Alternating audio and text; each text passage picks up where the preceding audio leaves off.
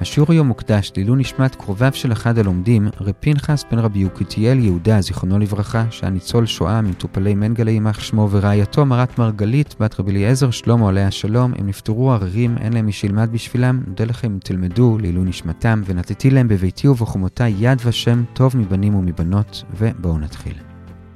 שלום לכולם, כאן אורי בריליאנט מאתר הגמרא סיני, ואנחנו לומדים את דף ע"ב במסכת בבא קמא. נתחיל בשליש התחתון של העמוד הקודם, ונסיים במשנה בעמוד ב', השיעור היום יהיה 10 דקות. היום אנחנו ממשיכים ובעצם מסיימים לבאר חלקים שונים מהמשנה שראינו לפני יומיים בעין עמוד א', והיום נראה שני חלקים. החלק הראשון זה שאלה ששואלת הגמרא, שבאופן ראשוני לא קשור למשנה, אבל עוד רגע נראה איך הוא כן קשור, לכן בואו קודם נזכיר משהו שראינו במשנה, ואז ניגש לנושא של החלק. אז במשנה, אחד מהמקרים שראינו זה שהוא גנב וטבח משהו של אבא שלו, ואבא מת, ואמרנו שיש הבדל בין המשנה שלנו לבין המשנה בע"ד עמוד ב', שבמשנה שלנו הוא חייב ד' וה', ובמשנה שמה הוא פטור. ומה ההבדל? ההבדל הוא שבמשנה שלנו הוא גנב וטבח לפני שאבא מת, כך שהוא בעצם כבר התחייב בד' וה', ואחרי זה אבא מת, וממילא הוא חייב ד' וה', ואומנם חלק מהד' וה' בעצם מגיעים אליו עצמו, כי הוא גם אחד מהיורשים, אבל את השאר הוא יצטרך לתת לשאר היורשים, לאחים שלו. זה במשנה שלנו, שוב, שהוא טבח לפני שאבא מת. לעומת זאת, במשנה בע"ד עמוד ב', הגמרא עוד מעט תקרא לה הסיפא, שמה האבא מת לפני שהוא הספיק לטבוח, כך שכשהוא טבח, בעצם השור הזה כבר קצת היה גם שלו. ובמקרה כזה אומרת המשנה, שהוא פטור, והגמרא בסוף הסוגיה כאן תסביר שצריך שכל הטביחה תהיה באיסור, ואילו כאן חלק מהטביחה בהיתר, כי חלק מהשור הזה שייך לו.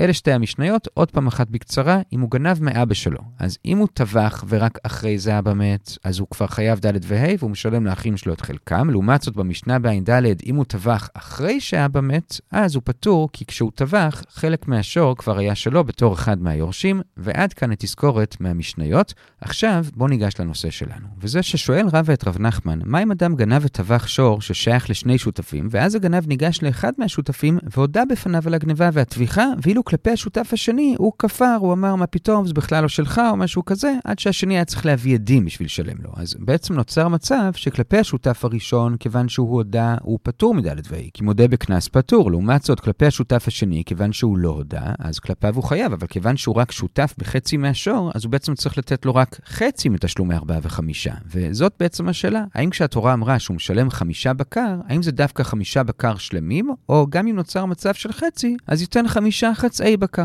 זו השאלה, ועל זה ענה רב נחמן, לפחות בהתחלה, שבאמת הוא פטור. כי כאמור, כתוב חמישה בקר ולא חמישה חצאי בקר. אבל הגמרא מקשה על התשובה הזאת של רב נחמן מהמשנה שלנו, במילה ATV, וזה שבמשנה שלנו, שכאמור הוא גנב וטבח מאבא שלו ורק אחרי זה אבא מת, המשנה אמרה שהוא חייב ד' וה', כלומר הוא משלם לשאר האחים את חלקם בד' וה'. עכשיו הרי גם לא עצמו יש חלק, ולעצמו הוא הרי לא משלם, כך שיוצא שלאחים הוא לא משלם את כל הד' וה', אלא רק חלק מהד' וה', ומה רואים? שבכל זאת הוא כן משלם, אז זה קשה על רב נחמן. כי שוב, רב נחמן אמר שאם הוא חייב רק חלק מהד' וה', אז הוא פטור, ואילו במשנה אנחנו רואים שלמרות שזה רק חלק, הוא חייב. זו הקושייה, ולזה הגמרא מביאה שתי תגובות של רב נחמן, שבקצרה זה שבתגובה הראשונה רב נחמן מתרץ, בתגובה השנייה הוא פשוט חוזר בו, זה בקצרה, עכשיו בואו ניכנס לפרטים. אז שוב, בתגובה הראשונה רב נחמן מתרץ, והוא אומר, במשנה שלנו, שהוא גנב וטבח ואז האבא מת, נעמיד שמדובר שלפני שהאבא מת, הוא כבר עמד בדין, כלומר האבא כבר תבע אותו והבית דין כבר חייבו אותו לתת, ורק אז האבא מת. ובמקרה כזה, כיוון שכשהוא התחייב בבית דין, אז הוא לא התחייב בחצי, הוא התחייב בהכל, כי אז האבא עוד היה חי, אז במקרה כזה זה לא נחשב שהוא מתחייב רק בחצי. הוא התחייב בהכל, פשוט אחרי זה האבא מת והחיוב עבר ליורשים, אבל כיוון שהחיוב העקרוני שלו כאן זה כן על הכל, אז כאן במשנה, גם לפי רב נחמן, זה מובן שהוא כן משלם. זו התשובה של רב נחמן. הגמרא מקשה על זה לרגע, שלכאורה זה לא מסתדר עם המשנה בע"ד, שכמו שהקדמנו, המשנה בע"ד מביאה מקרה שבו הוא פטור, וזה שאת הטביחה הוא עשה אחרי שהאבא מת, אז זה קשה, כי לכאורה לפי רב נחמן המשנה יכלה לחדש עוד יותר, וזה שגם אם את הטביחה הוא עשה לפני שהוא מת, אבל את העמדה בדין עשו אחרי שהוא מת, גם אז הוא פטור. אז לכאורה למה המשנה שם לא הביאה את זה, אבל הגמרא עונה, זה לא קשה, היא באמת יכלה להביא את זה, אבל היא רצתה לדבר על זה שהוא טבח אחרי שהיה באמת, כי זה יותר מסתדר לשונית עם המשנה שלנו, שזה ככה שני מקרים הפוכים, אם הוא טבח לפני שהוא מת או אחרי שהוא מת, אז זה לא קשה.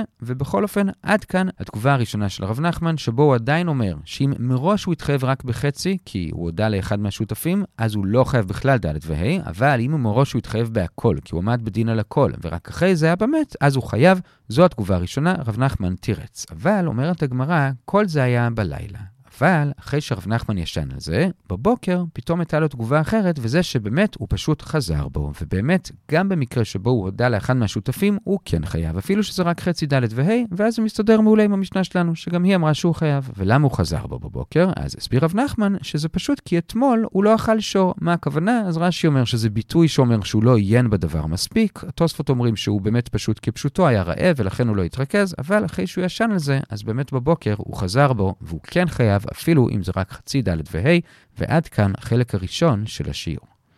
החלק השני הוא לגבי שני המקרים האחרונים של המשנה, וזה שאם הגנב שחט את השור בשחיטה שלא מתירה אותו לאכילה, כלומר הוא שחט ונמצאה טרפה, או שהוא שחט את זה באזהרה, ואז זה אסור בהנאה כי זה חולין באזהרה, אז תנקם אמר שבכל זאת הוא כן חייב ד' וה', ורבי שמעון פטר. זה היה במשנה, ועכשיו, קצת כמו שראינו גם אתמול, הגמרא מקשרת את זה לנושא אחר לגמרי, וזה באיזה שלב של השחיטה, השחיטה נחשבת שחיטה. יש בזה מחלוקת, הגמרא בהמשך אומרת שזו מחלוקת בין רבי שמעון, שזה בעצם ריש לקיש, לבין רבי יוחנן. ריש לקיש אומר שהשחיטה נחשבת שחיטה רק בסוף שלה, או בניסוח שלו אינה לשחיטה אלא לבסוף. רבי יוחנן אומר שהיא נחשבת כבר מההתחלה, או בניסוח שלו ישנה לשחיטה מתחילה ועד סוף. אז עוד פעם שנזכור, לפי ריש לקיש השחיטה היא שחיטה בסוף, לפי רבי יוחנן כבר בהתחלה.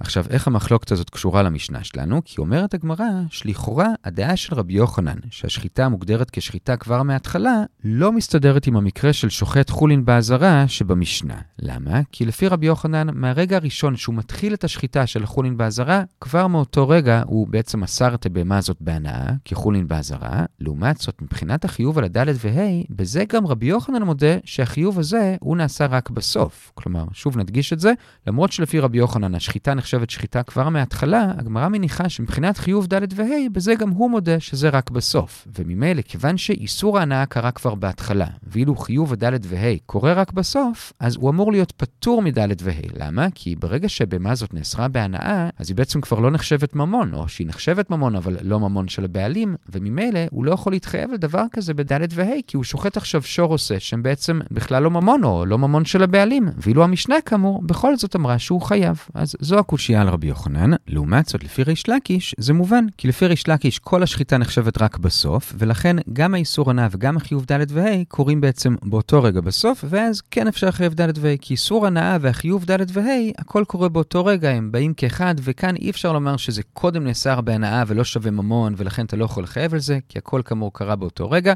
לריש לקיש זה כן מובן. אבל כאמור, לרבי יוחנן זה לא מובן, כי איסור הנאה קרה לפני הניסיון שלך לחייב אותו בד' וה'. עד כאן הקושייה על רבי יוחנן מהמשנה, ורק נשים לב עוד פעם שהקושייה הזאת מבוססת על הנחת יסוד שיש פער זמנים בין הזמן של האיסור לבין הזמן של החיוב ד' וה', שהזמן של האיסור זה בתחילת השחיטה לפי רבי יוחנן, ואילו הד' וה' זה רק בסוף. אז ממילא בשביל לתרץ את הקושייה, כל מה שאנחנו צריכים לעשות זה בעצם לומר שאין פער זמנים. איך נעשה את זה? אז הגמרא מביאה שתי תשובות, נאמר אותם קודם בקצרה, וזה שהתשובה הראשונה אומרת שבאמת שני הדברים קורים בהתחלה, התשובה השנייה אומרת שבאמת שני הדברים קרו בסוף, וככה אין פער זמנים. עכשיו בואו נסביר תשובה-תשובה.